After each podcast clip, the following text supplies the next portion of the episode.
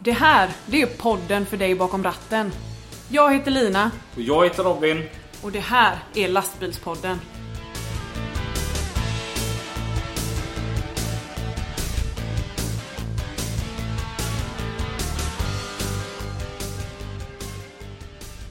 Så, hej Nina. Hej! Då är vi här igen. Ja, Ehm, vi ska skippa de här. Hur mår du? jag har inget sånt idag. Nej. Fan, Inte för att det är söndag, fast det är ju inte söndag, det är Nej, onsdag. det är on- onsdag, söndag, söndag, onsdag. Ja. Mm. Utan bara för att eh, vi vet redan hur vi mår. Ja, precis. Och ingen annan behöver veta det. Nej, jag Nej. tror inte någon annan bryr sig faktiskt. Nej. Uh, fan vad grymt. Sista avsnittet nu med, eh, med Pelle. Mm. Alltså, det, det, jag var ju liksom där och var med och spelade in det. Mm. Och sedan då så... Så jag visste ju liksom hur allting skulle bli. Mm. Men jag satt och lyssnade på detta i lastbilen sedan. Vi har gjort jättemånga bra avsnitt. Men det var nog väldigt speciellt för mig för det blev väldigt känslosamt för mig. Ja, Eftersom Pelle han har ju varit med från starten. ja. Så när jag satt och lyssnade på detta när vi pratade där om när vi var kungar av vägen för att åka till Stenungsund. ja. Eller när ni tog en rökpaus och började sjunga mitt i allt och... Ja, eh, alltså ja just det, det hörde inte lyssnarna. Nej. Eh, Det blev väldigt känslomässigt för mig. Därför var det var så riktigt roligt att få spelat in det programmet med Pelle. Mm. Mer sen förra veckan. Det är att jag har pratat med en grym kille som heter Johan Eriksson. Okej.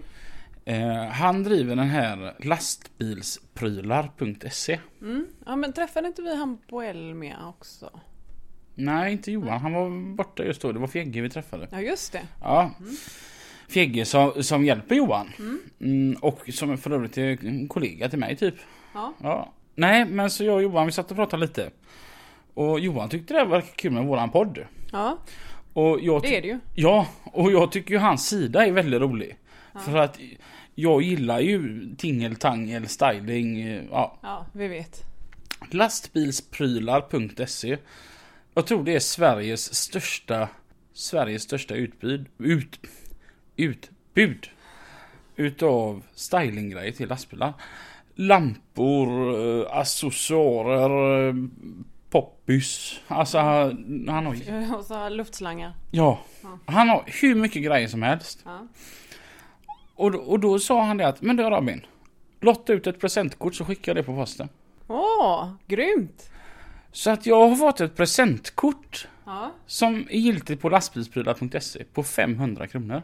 Oj, det var inte dåligt. Nej, Nej. så jag tänker som så här att om våra lyssnare, de, de ska gilla att våran sida Mm.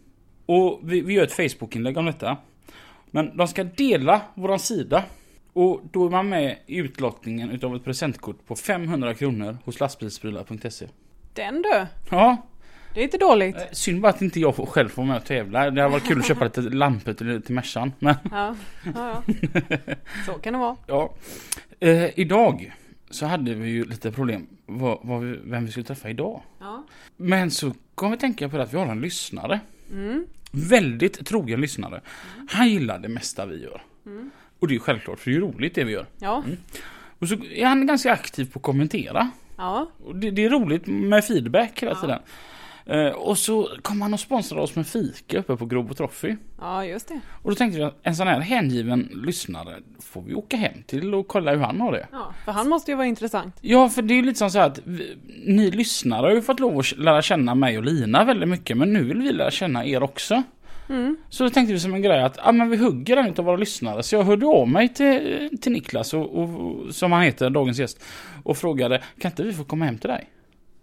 Och han svarade ja, så att nu sitter vi i köksbordet med havsutsikt också. Mm. Och säger hej. Och är det vi, verkligen vi som säger välkommen? Jag vet inte. Men hej Niklas Angrell. Tjenare och välkomna till Tack. Chile. Och en fantastiskt god kaka. Ja, den har min fru bakat igår kväll. Ja. Ja, Ja, det, med, det, det, det var brunt, det var gögat. okej. Inte det vita. Det var mer Linas grej. Okej. Vad Kul. Vem, Ja. vem är du Niklas? Ja, vem fasen är jag? Jag är en lyssnare. Och lite roligt är faktiskt, jag vet inte om jag ska avslöja det, men jag har samma efternamn som Lina. Ja, du var till och med på mitt bröllop. Till och med fotat den bästa bilden på ert bröllop Ja, just det. med mobilen. Eh, Men ändå så har du inte varit här ännu. Nej, det är första gången jag är här. Ja. Jag vet inte vad jag ska säga. Jag är, jag är chaufför. Jag kör för ett åkeri som heter Stålfrakt. Och vi kör det mesta för Stena Stål. Vad är det för någonting då? Stena Stål, vi har allt ifrån plåtar, armering, balkar, rör, whatever vad du behöver i stålväg kan man säga. Mm. Det, det fixar vi det mesta och så kör vi ut det till kunder. Och det är det vi gör, vi fraktar mycket. Men jag har även fler uppgifter. Jag sitter lite som transportledare. Jag är lite på gården och plockar armering och sånt. Annat som ska åka med våra bilar. Lastar, lossar. Men min huvudsakliga uppgift är att köra. Hur länge har du kört? Oj, sen jag var 18 år. Hur länge har du varit i branschen överhuvudtaget? Eh, Om man säger så här då. Jag vet inte hur man ska räkna var jag började branschen men jag har mitt första minne ifrån jag var 3-4 års åldern. När jag och min moster åkte pulka och det stod en grusbil bortanför pulkabacken. Och det kommer jag ihåg fortfarande. Och jag fyller 50 nästa år även om ni inte tror det. Ni som känner mig hyfsat. Eh, Så där började det. Och sen så var det så här. Att du som har en assistanskåren-tröja på dig. Det är faktiskt inte långt bort ifrån mig kan jag säga. För när jag var 10-årsåldern så var det en kompis till mig. Hans farsa körde bärgare i Alingsås. För bärgningskåren som det hette på den tiden. Jaha. Och efter att jag fick åka med och hämta en stulen bil på stan i Alingsås. Så var jag fast. Vem var detta då? Han heter Uno Edvardsson. Ja. Riktigt bra snubbe. Han kör eh, inte idag. Snart går han i pension men han står på ett hyvleri och gjort de sista åren. Och lämnade hela branschen. På grund av sjukdom ska jag kanske säga. Eh, Men i alla fall. Så eh, det satte allt fart kan man säga för mig. Då bestämde jag mig för att jag ska köra lastbil till vilket pris som helst. Och det har du gjort sedan dess? Det, ja, inte sen dess för jag hade ingen kör, körkort. Men eh, jag gick ju transportteknisk på Lindholmen. Och ja, sen har jag kört lastbil. Sen den dagen jag fick mitt körkort så har jag kört lastbil. Eh, med undantag för vad var det, två och ett halvt år någonting. Jag var transportledare för McDonalds-koncernen. Men eh, vad är det för typ av lastbilsyrken du har haft? Det har varit distribution. Det mesta kan man säga. Jag körde väl totalt i nio år på framåt. Eller det som blev GB framåt sen. ASG. Som idag är DHL. Vad har vi gjort? Kört grusbil och hjälpt Balten att dra lite vajer. Körde grusbil för han. Oljebil för Jan och Erikssons åkeri. Körde väl någon sommar. Här har jag varit i jag tror det är 13 eller 14 år jag varit på det här åkeriet. Jag sa Så du jag ska trivs ganska bra här? Ja, jag sa jag ska vara här i nio år sa jag. Sen tycker jag att man liksom har tömt sina grejer. Att man har gjort det man kan och det man ska. Men nu känns det som att nu fick jag lite andra arbetsuppgifter. Så nu blir jag lite stund till. Och sen körde jag väl i fem år för McDonalds-koncernen plus transportledning där då. Hur var det? Är det väldigt strikt att köra för dem? Det ska tempas och så väldigt mycket va? Där har du lite koll känner jag. Ja, ja det, så är det faktiskt. Eh, Förde väldigt mycket statistik där på allting. Allt ifrån när man kom till en restaurang, eh, vilka temperaturer kylt och fryst hade, när vi åkte därifrån, hur mycket material dit, hur mycket ifrån, fyllnadsgrad på bilar. Väldigt mycket sån statistik som inte går att köpa. Någonting jag tycker är jävligt fräckt med dem. Nu pratar jag om saker jag kan pytte pytte lite så jag vill ändå reservera för mig för att allt jag säger inte stämmer till punkt och pricka. Men vad jag fattar finns det vissa sådana här McDonalds-bilar.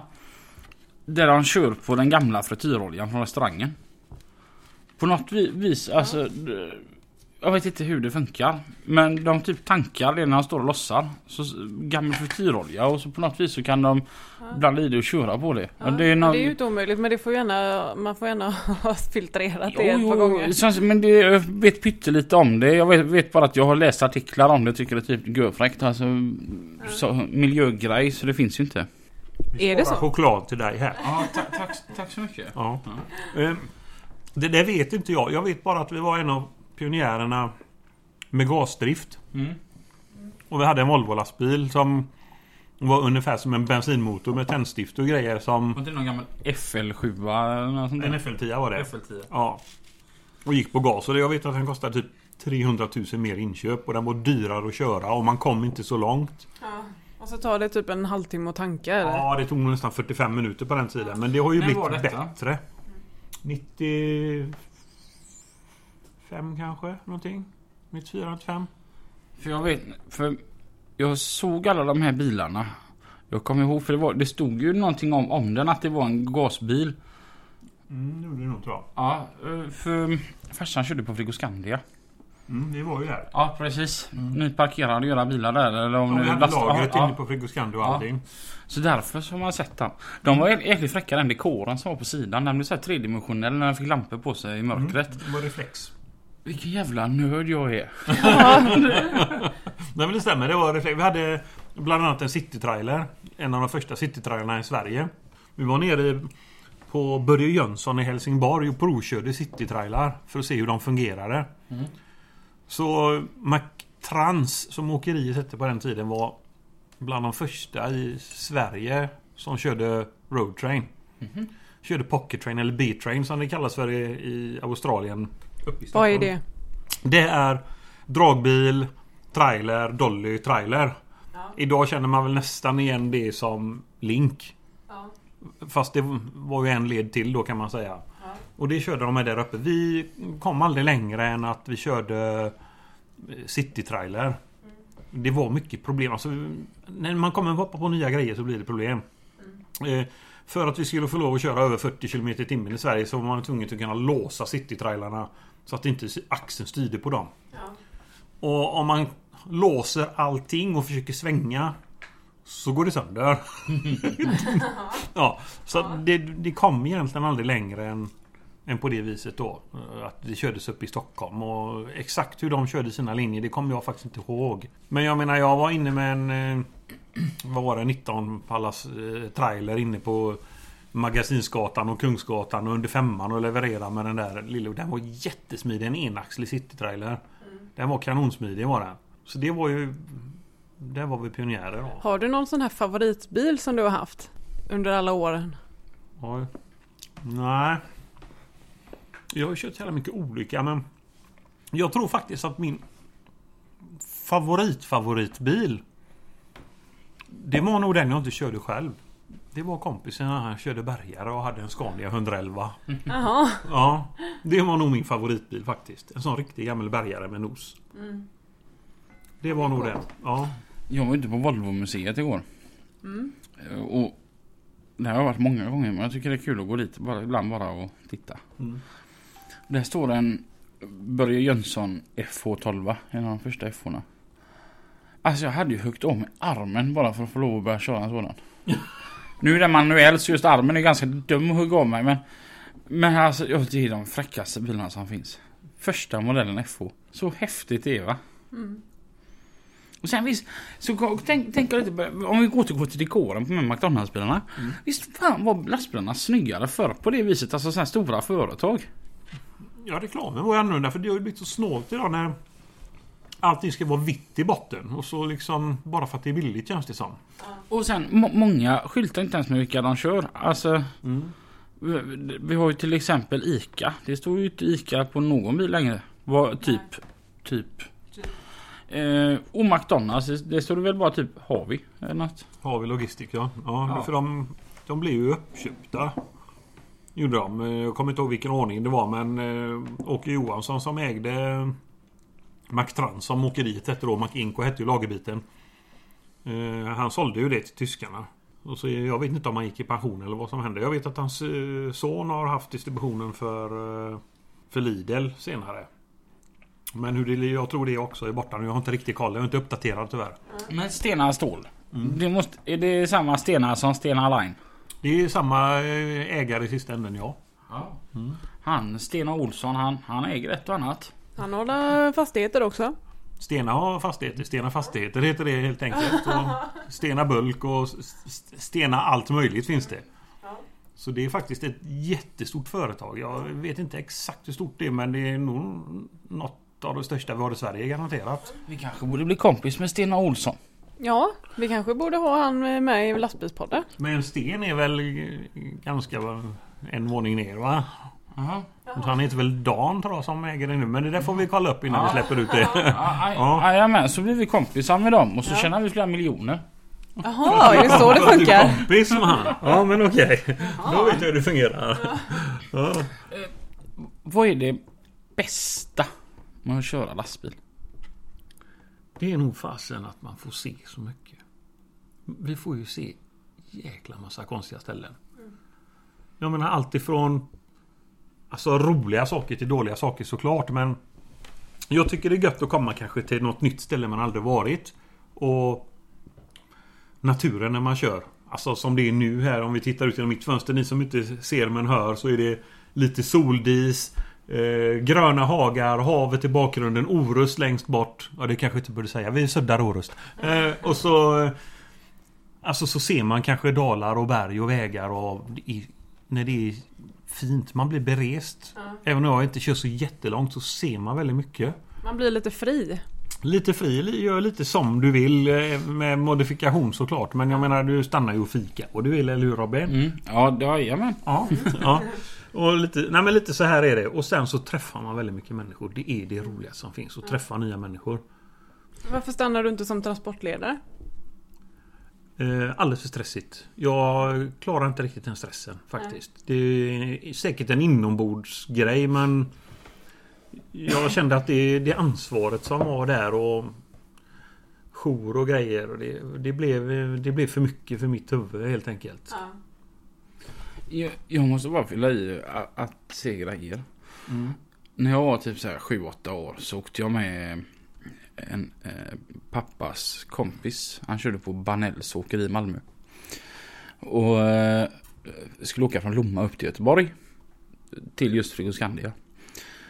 Och, och så tyckte jag det. För han körde ju bara så här Lomma, Göteborg, Lomma, Göteborg. Mm.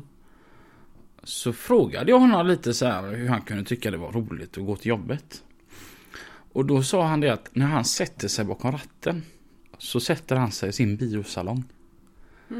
Och filmen som spelas upp det är framrutan. Ja. Det tyckte jag var jävligt poetiskt Ja, då. vackert. Jag, kom, jag kommer fortfarande ihåg det och jag kan tänka på vad han säger ibland. För alltså det finns ju, finns ju vägar man har kört, jag vet inte hur många gånger. Och, men ändå är det ju fortfarande roligt. Det finns nästan alltid något nytt att se även om du åkt samma väg. Ja. Alltså det, det är faktiskt så. Det är de små detaljerna som ibland är riktigt goda att se.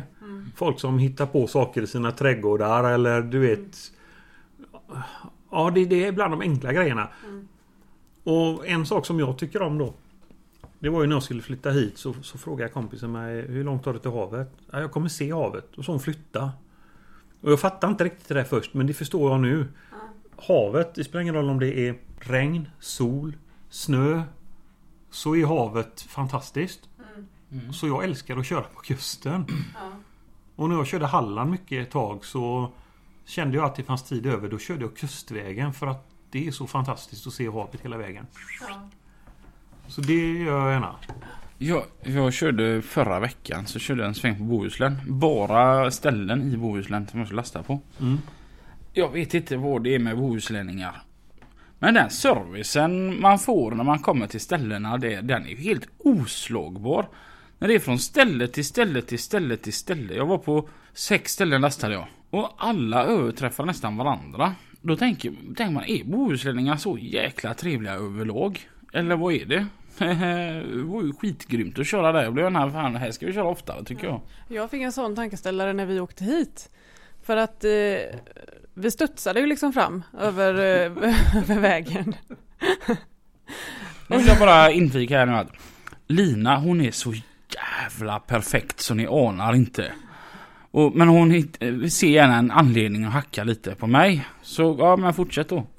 Ja, men jag sa det bara, måste du köra så fort? Ja, men då, ja, ja, jag saktar väl ner då. Jag sa så här att när jag ska åka långt någonstans då vill jag liksom komma fram.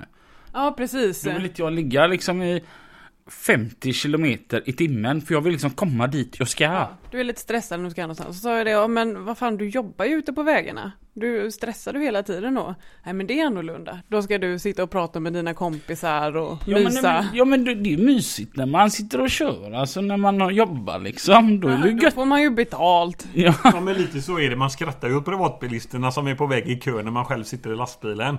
Och sitter där och har gött betalt och man eh, har varm stor mugg med kaffe och någon, kanske någon eh, liten eh, bulle eller någonting. Då är, då är det ju faktiskt ändå ganska okej. Ja, precis. Och kan man då ta bort den här stressen, in- inombordsstressen. För många är ju ändå stressade i jobbet att det måste, måste. Men står det ju 2000 bilar framför en så kan man ju inte köra igenom dem. Även om man ibland kanske vill. Då är det bättre att luta sig tillbaka, ta kaffemuggen, ta en tugga på bullen, lyssna gott på ett lastbilspodd där. Nej men liksom... Sen, sen kan det vara så här också Lina att om jag har kört nu 3000 kilometer på en vecka. Tror jag är jättesugen då på att köra en massa kilometer till på helgen. Ja, men gör inte det då. Ta bussen. Ja, men du sa aldrig att ja, men jag kör upp till Ljungskile sen Robin. Nej. Nej, utan då får jag ju liksom ta hand om det. Ja. Nu är det Niklas vi sitter och pratar om. Kan vi liksom släppa min bilfärd upp hit? Ja, det kan vi göra. Eh, Du har fler eh, hobbys än eh, just att köra lastbil. Vad gör du när du inte kör lastbil? Jag gör hästskosmide. Det tycker jag är roligt. Ja. Så jag håller på med lite... Ja, vi bor ju på en hästgård. Jag började ju lite där. Och när en av mina systrar gick bort så gjorde jag ett... Man kan säga ett gravsmycke utav hästskor. Blankpolerat med två hjärtan. Och en armeringspinne ner som jag satte ner. I hennes eh, minneslund där. Och den sitter fortfarande kvar. Och det var så pass avkopplande att stå och greja med det. Jag har stått ute i alla år och grejat med det här. Så att det har jag fortsatt med. Ja. Så jag... Alla hästar som blir av med skorna, de, de skorna tar jag. Ja. Och så gör jag grejer av det. Allt ifrån ja, sådana här enkla grejer som en pappersrullshållare eller en en eh, miltapåshållare eller servetter eller vad man nu kan hitta på att ställa i den. Eller hjärtan att hänga på väggen. Eller text som jag har ovanför tvn. Står det välkommen. Ja, just Men det är hästskor det är hjärtat är jag. Jajamän. Ja det är väldigt vackert får jag säga. Tack. Eller det där. Vadå? Välkommen. Ovanför tvn. Du har alltså skrivit välkommen med hästskor. Ja. Ja men det måste vi ta ett kort på och lägga ut i podden. Ja, får ni göra. Ja. Eller på, fe- på fe- Facebook. Facebook. Och där har vi ju givetvis hästskosmide och så Design en Angrell kan du gå in och titta på och gilla den sidan. Så, eh, så ser du lite vad jag gör där. Ja. Men eh, jag gör ju mer än hästskor. Det sitter till exempel H-balkar på min vägg ett gäng där, typ 10 stycken. ja, just det. De har jag snickrat ihop. Och så bordet som är bredvid där borta, det har jag också gjort. Skohyllan där borta har jag också gjort. Du är, du är en sån här riktig handyman. Handyman, ja. ja. Och det är jag inte tillverkat, det lagar jag tänkte säga. Men jag lagar en del grejer med. Men jag, jag, får, jag får en sån här bild här när man står där och så el- eldar på det där järnet denna då och så ser du, står du, ser du stor och allvarlig ut och så bankar med slägga. Är det så? Ja, och så, här skinnförkläde typ. nu börjar det här snurra iväg här för Lina. Eh, nej, det är faktiskt inte så. Jag har ingen hässja. Det skulle jag kanske vilja ha. Eh, För, för att värma skor och sånt. Men jag kör mest med... ja, Slägga kör lite grann. Men annars är det vinkelslip och, och svets. Jag köpt, det började med att jag fick en svets utav en gammal, gammal jobbarkompis från första åkeriet jag var på. Och den killen heter Johnny Lippens. En jättegod kille. Han fick jag en svets av. Och när jag gjorde det här till min syrra och det. Och sen så köpte jag en bättre svets, en nyare svets. Och det här, den pinsvetsen den håller jag på med fortfarande. Och den är, den är mitt avkopplande. Den eller havet. Mm. Det är det. Och där hittar jag på allt möjligt och får massa konstiga idéer. Så jag är säker, för de som inte känner mig riktigt, är jag säkert en jävla konstig filur. Ja, men det är ju grymt ändå att kunna hitta någonting som man verkligen tycker om. Som tar lite tid. Jag kan ju inte köra lastbil dygnet runt. Nej. Då måste man ju göra detta. Ja. Lite så här. Ja. Ja, för att bara koppla av och ligga i soffan och kolla på TV. Det är ingen grej. Nej, det blir ju bland det värsta jag vet. Ja. Alltså, ni kommer ju hem nu. TVn är inte, radion står ju på i bakgrunden, men TVn är inte på. Nej. Jag, jag tycker inte om TVn. Jag gjorde jag förr, men jag gillar inte TVn. Nej. Det är bättre att smida då. Nu, nu skulle inte jag vilja säga sådär tråkigt. Än att vad är det sämsta? Men alltså vad hade kunnat bli mycket bättre i våran bransch? Ja, som, som många vet så, så har vi ju faktiskt ester, letter och till och med filippinare i våran bransch. Jag tycker det, det, det goa gänget och sammanhållningen har ju liksom försvunnit lite när man inte kan kommunicera med de här. Det är säkert inga fel på gubbarna som sådana. Men det är, det är inte samma sak. Nej. Vi får ner en trailer från eh, huvudlagret i Västerås. Och han ställer sig utanför och tar dygnsvila och vi kan inte kommunicera med honom för vi får in våran trailer så vi kan börja lossa och lasta och köra våra svängar. Exempelvis. Alltså, du kommer på fiket. Ja visst, man kan hjälpligt kommunicera men man sätter ju sig inte och snackar med bulgarerna på fiket. För de går inte in på fiket eller? Nej, bara en sån enkel grej. Alltså det har... Branschen har blivit söndertrasad. Det är inte alls samma grej längre. Det är ju till och med så jag funderar på att sluta köra lastbil men jag vet inte vad jag ska göra istället. vi ställer samma fråga till dig som vi ställde till en åkare för en tid sedan. Det fattas 7000 chaufförer. Mm. Så att det går inte att komma ifrån att vi behöver ju faktiskt hjälp från utlandet för att kunna köra våra bilar. Men vad tror du krävs för att få svenska eh, ungdomar eller människor att sätta sig och ta sitt körkort och sätta sig vid ratten och börja köra? Schyssta villkor tror jag faktiskt. Bra lön. Alltså få upp statusen på vårt yrke igen. Fast lönen är väl ändå ganska bra som lastbilschaufför? Beror på hur du ser det med det ansvaret vi har. Alltså hur många liv har vi i våra händer när vi är ute och kör? Så då är jag... Det är väldigt mycket lagar och regler och sånt som man ska hålla koll på också. Ja, vi är ju övervakade något så kopiöst Ja. egentligen idag mot vad jag var tidigare när jag började köra med du vet, en blåskrivare och det var inte noga med kontrollen av det och, och så här. Det är inte sagt jag menar att man ska fuska för det för jag är en av de få gubbarna kvar i Sverige som ligger 80 kilometer. Ja, det, men det är faktiskt så. Jag, jag ligger i mina 80 så jag, jag släpper upp bilen till 90 i nedförsbacken för det anser jag att det- då slösar vi inte på miljön i nedförsbacken. Det sparar vi bränsle på. Men annars så det, branschen har blivit alldeles tokig och vi ska ha våra skyddsutrustning och grejer och så kommer det någon snubbe i foppatofflor och lossar. Det, det känns inte okej längre. Så jag tycker att det ska skärpas upp men jag vet inte hur. Det, jag kan inte. Statusen har ju blivit väldigt låg. Alltså på oss chaufförer. Jag, jag kan bli väldigt så här när våran gemensamma vän Dennis. Mm. ehm, han är ju sån. Han sitter ju och kör i skjorta och jeans. Och han, han är väldigt stolt över. Jajamän. Och det kan jag tycka är fräckt att han, han, han gör, utför sitt jobb med en enorm stolthet. Och klär på sig den här eh, overallen när han lossar last, lastar som är dock typ tre storlekar för lite. Så han ser ut som en teletubby. men, men äh, det är väl lite hatten av till honom för att han är väldigt så att han har, anser sig själv ha en väldigt hög status. Vilket jag också tycker att han har.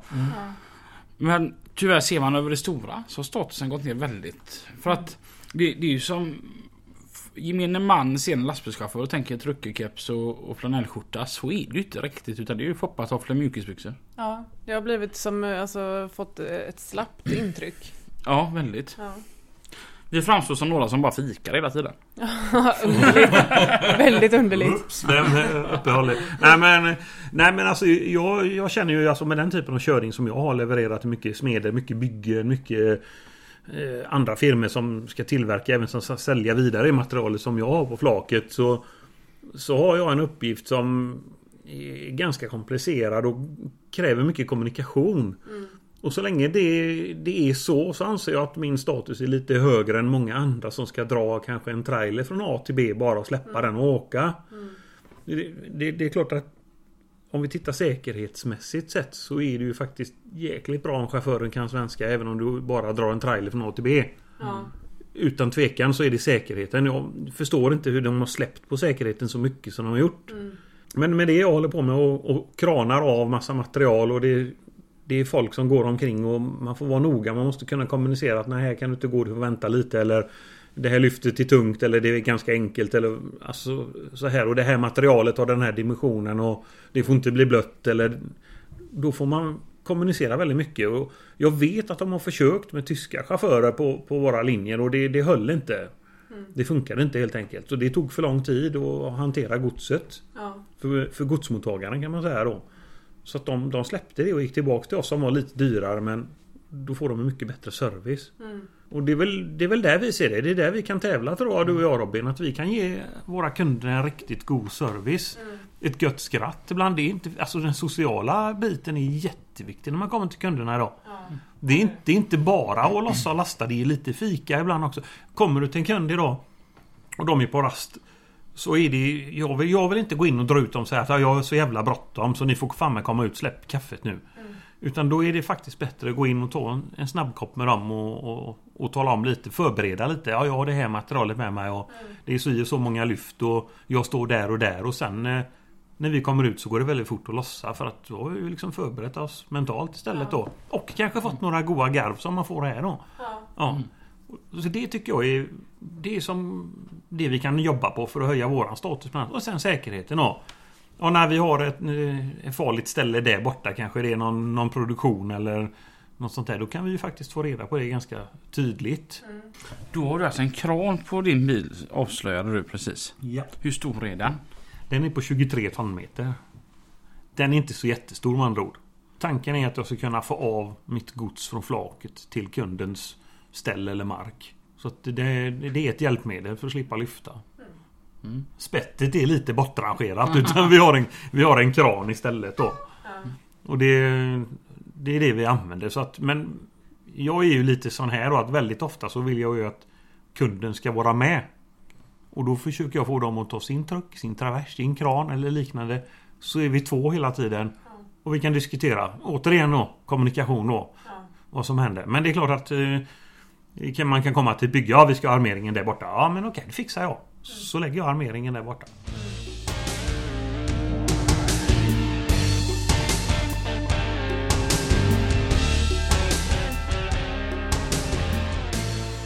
Nu kommer en sån här fråga. Jag vet ju svaret. Men jag tycker den ändå är rätt ballt. Alltså lyssnarna för det. Ja. Har du några andra fritidsintressen på? Jag vet svaret. Ja, jag antar att du, eh, du syftar på eh, att jag tycker om att gå på ravefester eller EDM som vissa säger. Electronic Dance Music. EDM har jag aldrig hört. Nej, inte jag heller. Det, det ska vara lite... Alltså rave låter ju lite... Åh, det är bara droger och bla bla bla så här. Och jag som aldrig tagit en drog i mitt liv. Jag dricker inte ens alkohol, aldrig gjort. Röker inte, snusar inte. Oj. Äter choklad och fikabröd. Det gör jag. Det är ju en drog i sig. Ja, det är ju socker. Det är väl det. Det är min drog då. Det är kaffe. Ja men det tycker jag ska. Jag känner en av... Jag vågar nog fan säga världens bästa kvinnliga discjockeys inom ravegenren. Som heter Anneli. Ja. Så söker man på didianneli.com så ser man vem hon är. Och hon har fått mig att uppleva ganska mycket roliga bra grejer. Nu, nu tänker jag... Jag trodde inte att du var så gammal som du faktiskt var. Men du sa att du fyller 50 nästa år. Ja. Hur, hur vanligt är det att folk i, ursäkta uttrycket, din ålder går på ravefester? Faktiskt vanligare än du tror. Vill jag säga. Mm. Ja, jag har ju ingen aning alls Nej. nu så att jag... Om man säger festerna i Göteborg, det vill säga om du går ut i skogen och dansar här ute så är det väl mest snorungar. Eh, som Ja, många tyvärr tar droger och, och så här. Och då sa faktiskt min lillebror en rätt intressant grej. Alla har jävligt roligt men ingen är lycklig. I just den biten då. Oh, det, var, det var nästan lite poetiskt. Ja, och det, så den har jag sparat ifrån min lillebror. Ehm, men jag är ju där för musiken. Jag älskar den här musiken. Och jag har funderat på varför är det så här då? Jag, jag var ju syntare när jag var ungdom. för jag, jag började med country och lyssnade på eh, 50-talsrock och morsan matade mig med dansband. Och det, jag är inte riktigt inne det med dansband är inte min grej. Så att nej, jag lyssnar inte på dansband i hytten. Det, bara, det finns inte. Och så är det så här att jag är jättedålig på att komma ihåg texter, sångtexter. Jag är jättedålig på det. Det och namn. Som jag säger något annat, det var ni, ja, nu vet jag vad ni heter. Men alltså säger jag något annat namn någon gång så är det för att jag kommer fasen inte ihåg det. Vi vill bara då förtydliga att det är jag som är Lina. Och det är jag som är Robin. Ja men gött den här, då var jag Petter Niklas. Nej men, nej men och, och, så EDMen då. Det är ju rytmer. Allt är rytmer. Det är det som är så jäkla gott. Och om man säger då trance då som mycket av det här är. Då hamnar man i trance utav musiken lite på det viset. Alltså jag tycker det är så jävla gött då. Och vi har diskuterat fenomenet Anneli. Vad är det hon gör som ingen annan gör? Och det är faktiskt ingen som kan sätta fingret på det. Men det kan vara ett tomt dansgolv när hon startar. Och det dansgolvet är fullt efter 5-10 minuter. Det spelar ingen roll om det är ett dansgolv som rymmer 50 pers eller ett som rymmer 20 000. För hon fyller det. Mm. Och vi vet inte varför. Men ehm, testa gå in och lyssna. Hon har några, några mixar som ligger på hennes sida, didianneli.com. Och lyssna på det. Det, det enda jag, jag fastnar så här stenhårt för när det kommer till den genren det är Vinivici tycker jag är riktigt gött att sitta och lyssna på. Ja, hon spelar ju lite av deras musik också. Mm. Hon. Och sen har jag fått lära mig genom åren att det finns väldigt många kategorier Mm. under transen. Det finns ju... Alltså jag kan inte alla men psytrance, hardtrance, eh, progressive trance och så vidare. Det finns en jävla massa olika genrer under, under genren. Så, så lättast är att säga EDM, för det är ju Electronic Dance Music då. Är detta vad du lyssnar på i hytten? Oftast, ja. Det är det faktiskt. Blir du inte lite stressad av det? Tvärtom. Va? Ja, jag kan ligga och sova till det. Jag tycker det är görgött. Det, man hamnar i ett mode som är... Man seglar fram lite. Är det. Jag hade en kollega, Blomman. Han lyssnade väldigt mycket på om det hette hardstyle eller Mm. ja. Och så hade han byggt om ljudet till sin lastbil då. Så han hade ju en Vol- Vol- Volvo FM då som han låg ute i. Som spelade 110 decibel inne i hytten. Och det är ju alltså sjukt bra. Så satt han alltså och lyssnade på sån där hardstyle dam dam dam dam hela vägen från Stockholm till Göteborg. Det är ju rätt fräckt kan jag tycka och kanske lyssna några minuter så här och speciellt med den popanläggningen han hade i den. Ja. Men uh, sitta och köra Stockholm Göteborg det... Men du är helt fullt med honom du. Nej, alltså hardstyle är för mig eh, kanske en halvtimme. Kanske, inte, oftast inte ens så länge. Sen har jag ledsnat på det. det. Det är ganska melodiöst i början. Det är någon tjej eller någon kille som sjunger en ganska eh, skönsång i början.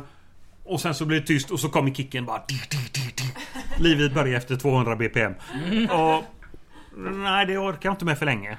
Det gör jag inte. Det, det finns de som älskar som bara går in för, för hardstyle men det gör inte jag. Jag är, jag är med i psytrance eller eh, progressive trance. Progressive trance är väl nästan det som jämförs med det kommersiella mest tror jag. Slår man nu inte Anneli om, om jag säger fel. Men eh, i alla fall. Så det, det är väl mer så. Och jag älskar ju melodierna och det jag älskar med Annelies spelning är att hon hela tiden överraskar. Det vill säga att hon, hon spelar en slinga som kanske övergår i någonting annat och så blir det ett överraskande tyst moment eller att rytmen försvinner eller och sen så kommer en kick och så börjar allting som ett crescendo bara och, och då blir det en skön känsla i kroppen. Men vad är skillnaden? Du sa psytrance och någonting annat. Psy- Psytrance är det som många förknippar med, med ravet tror jag. Det är ganska mycket konstiga ljud. Blipp-blopp. Eh, låter som att det, det, det droppar och massa konstiga figurer i skogen. Och, eh, Ja, det är inte så mycket folk som sjunger. nej, nej. Det, är- Mer än kanske ett ord eller så. Ja, det, det, det brukar vara någon liten samplingsslinga av något slag som någon som säger någonting som låter från förkrigstiden ungefär.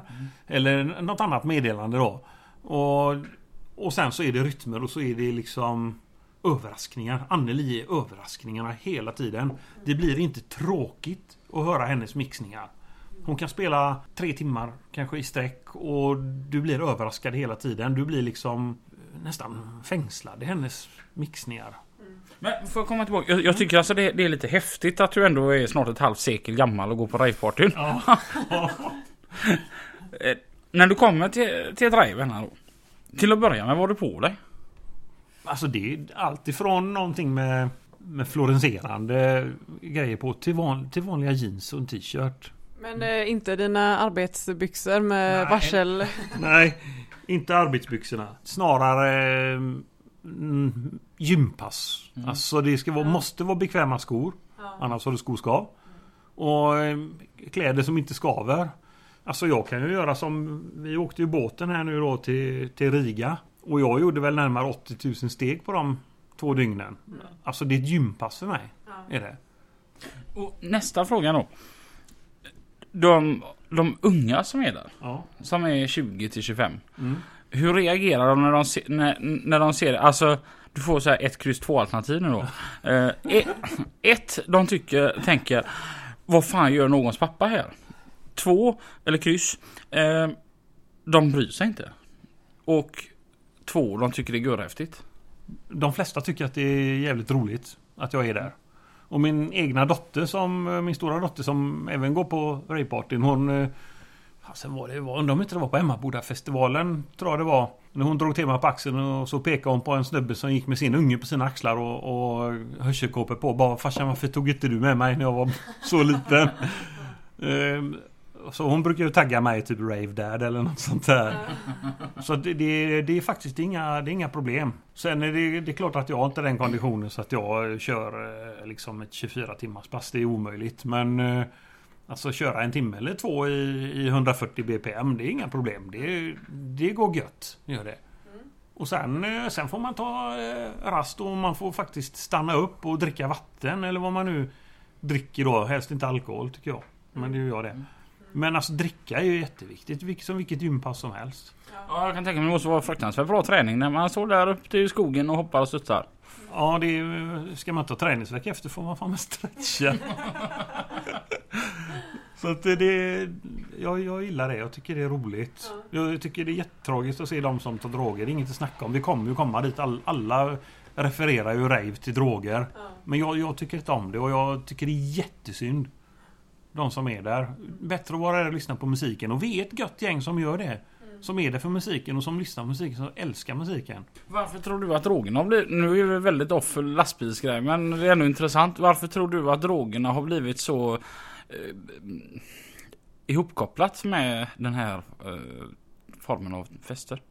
För att eh, de har ju varit ganska underground ravefesterna som eh, hemliga ställen. Så är det fortfarande på vissa fester som inte har danstillstånd om man säger så då. Och då är det underground och eh, man smyger undan i skogen någonstans och Och musiken är lite så här eh, psyk... psykedelisk. Ja. Och, och, jag har ju aldrig testat droger så jag vet inte hur det är. Men många säger att man förstärker alla upplevelserna. Så jag tror att det, är, det är för att man är undanskymd där och väldigt många är väldigt drogliberala i, i den genren. Vilket innebär att de skiter i om du tar droger gör vad du vill så länge du inte skadar mig. Och hur man än vänder och på det så får man lov att säga att i ravekulturen så finns det inga våldtäkter och, och våld överhuvudtaget på festerna. Jag frågade en av tjejerna som var på båten som var yngre än mig om Yngre än mig? Ja det var hon på riktigt. Hon kunde varit min dotter. Jag, jag frågade henne, ja, typ jag som eh, äldre snubbe och kanske inte har koll riktigt. Men hur- ofta blir du antastad eller liknande, alltså sexuellt på båtarna eller så här då för just den båtfesten som vi var på då. Och hon sa aldrig. Jag blir inte ens putt på, sa hon. Inte någonting. Så eh, om det beror på drogerna, vilket jag i sig inte tror. Jag tror att det är mer, man säger rave family. Jag tror det har med det att göra. Så den vanliga alkoholen är nog jävligare och slår slint på folk. Och de inte kan liksom hålla fingrarna i styr och så vidare. Så det, det gillar jag med de festerna också. Att folk får vara i fred. De är där för att dansa, inte för något annat. Ska vi avrunda med något lastbilsaktigt nu då? Så vi inte tappar liksom våran eh, röda tråd. Ja men nu berätta någon rolig historia. Alltså du, så, du har ju varit i branschen så många år så någonting skoj måste du varit med om. Eller någon god fadäs eller... Det, det, alltså det är ingen som lyssnar på detta ändå. Nej, Jag kan ju säga det det var en eh, tråkig tråkrolig grej.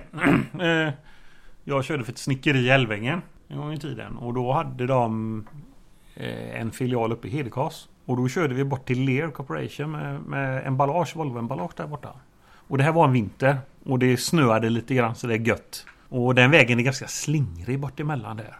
Och när jag kommer till en vänsterkurva så håller jag ut till höger så gott det går för att få med mig mitt släp. Och jag känner att nu bär det av. Då välter jag. Jag går rätt ut i terrängen. Går inte fort, 30 km max. Och lägger mig på sidan. Hela bil och släp på sidan. Och det kändes jättekonstigt. Då kände jag att fan vad gött jag hade säkerhetsbältet på mig. För ska man knäppa loss det så är två meter rätt långt att stå på örat. Och jävlar vad skit jag har hytten. Det ligger allt där nere på högersidan. Men jag i alla fall spjärnar emot. Eh, knäpper loss bältet, klättrar ner. Hämtar mina stövlar. För Jag kör alltid utan skor. Även personbilen kör jag utan skor. Vi kommer tillbaka till den frågan. Nu, nu har du pajat veckans fråga. Oj, schysst. Ja, den tar vi. Du kan svara på den sen. Jag kan svara på jag. eh, Nej, och sen så skulle jag ta mig upp ur bilen och det går inte att öppna dörren för den är jävligt tung. Så jag fick gärna öppna sidorutan där. Klättra upp. Och så Känner man sig som han U137, den gamla ubåten som gick på grund nere i Karlskrona när man står där. Och tittar upp ur sin hytt i sidan. Och så klättrar ner och hit och dit. Och jag får ringa räddningstjänsten för det läcker. Och då kommer brandbilen. Och så säger jag till henne det finns anledning till att jag ligger i diket. här. Det var plogat 1,30 utanför. Så att flytta din brandbil annars hamnar du också i diket. Och i och med att jag har ringt räddningstjänsten så kommer ju kling och klang. Och det första klang gör när han kliver ur sin folkabuss. Det ramlar i diket. Nej. För skaren höll inte för den där lilla polisen. Och då sa jag till han lite gött sådär att du förstår du varför jag ligger där jag ligger? Ja, det, det förstår jag sa han. Ingen skada, det blir lite skador på lastbilen och Ja, jag fick skrattat lite åt kling och klang och lite så här. Så att, eh, och sen så lärde man sig det att när det snöar så ligg inte på kanten. Ehm, Jag kan tänka mig att de här Det måste bara gå på typ två sekunder från det att du börjar välta tills att du ligger på sidan. Mm. Men det måste ju kännas som en halv minut eller någonting. Ja, det känns som en evighet. Allting som går så fort. Alltså du hinner tänka ungefär två miljoner grejer. Ja. Men du hinner inte göra någonting. Så är det. Man tänkte det att ja, men om jag styr till höger nu då kommer bilen stå upp när jag kör till diket. bara glöm det. Det är bara... Dut, dut, dut, dut, så låg man där. Och det kändes nästan löjligt för det gick så sakta. Det kändes fånigt. Gjorde det. Jag kommer ihåg, jag själv nämligen höll på att bli påkörd på E20. Mm. Jag ser ju hon som kommer, jag, jag står och bärgar en bil. Och jag ser ju hon som, hon som kommer den här svarta Mercedesen. Hon sitter och håller på med sin telefon. Och jag inser, jag kan inte ta mig någonstans, jag har bara bärgaren som står i vägrenen. Så att där jag står, där står jag. För hon är så nära mig då. Så att jag inser att det finns, ja. Nu, nu, är- nu är stunden kommen. Mm. Och på något sjukt sätt så kände jag ändå något lugn i kroppen. Mm. Så jag bara blundar och, och så, jag vet jag, att jag tänker på min dotter och, Mm. och känner mig ändå ganska harmonisk. Mm. Att okej, det är nu det händer. Och jag tycker att det tar väldigt lång tid. Jag kan säga att när jag inser att det här kommer gå till helvete. Då är hon bara 15 meter från bärgningsbilen. Och håller väl kanske en 80-90. Så att det, allt det här händer ju på två sekunder. Men jag hinner tänka så jävla mycket. Mm. Och så sedan får jag en sån jäkla smäll. I sidan var det hennes backspegel. Som, eh, men, så, men så nära var det. Och eh, jag hade ju ett blåmärke i två veckor i sidan efter hennes backspegel. Mm. Och hon stannade ju såklart inte, hon blev ju livrädd. Ja. Men just det att jag känner igen det här att man kan sitta att man tänk, hinner ju tänka rätt många tankar innan man till slut ligger där. Ja. Ja. Det var en annan situation borta vid Kornsjöarna borta för Tranemo härifrån sett. Eh, Jag låg och körde ifrån Värnamo. Och de sänker alltid ner hastigheten till 70 km där. Det var nog det som räddade mig. Tror jag. Eh, Från den parkeringsfickan så körde fram en eh, liten Skoda. Han stannar. Jag kommer körandes 70 och när jag har typ knappt en lastbilslängd kvar. Så kör den bilen ut. Och av någon anledning så hade jag tittat i backspegeln. Det var fritt på andra hållet. Jag klarar av att väja förbi den här. Men det är alltså så nära så dragbil och trailer bakom mig har svårt att väja. Och vad det beror på att jag hade den reaktionen eller om det var ren tur, jag har ingen aning. Men då är det precis som du säger, gud vad mycket man hinner tänka. Ja. Och jag undrar vad, vad den här pensionären, för det var en pensionär som körde ut där. Undrar vad han hinner tänka. Ja. När han ser Scania i hela rutan innan jag får väjt undan där. Ja. Och jag var tom också. Hade jag haft last så hade jag aldrig klarat av väja heller. Nej. Alltså man får fan vara rädd om sig där ute. Du vet inte när det kommer, när det är färdigt. Ingen aning. Ta vara på dagen kan vi. Ja. Ja.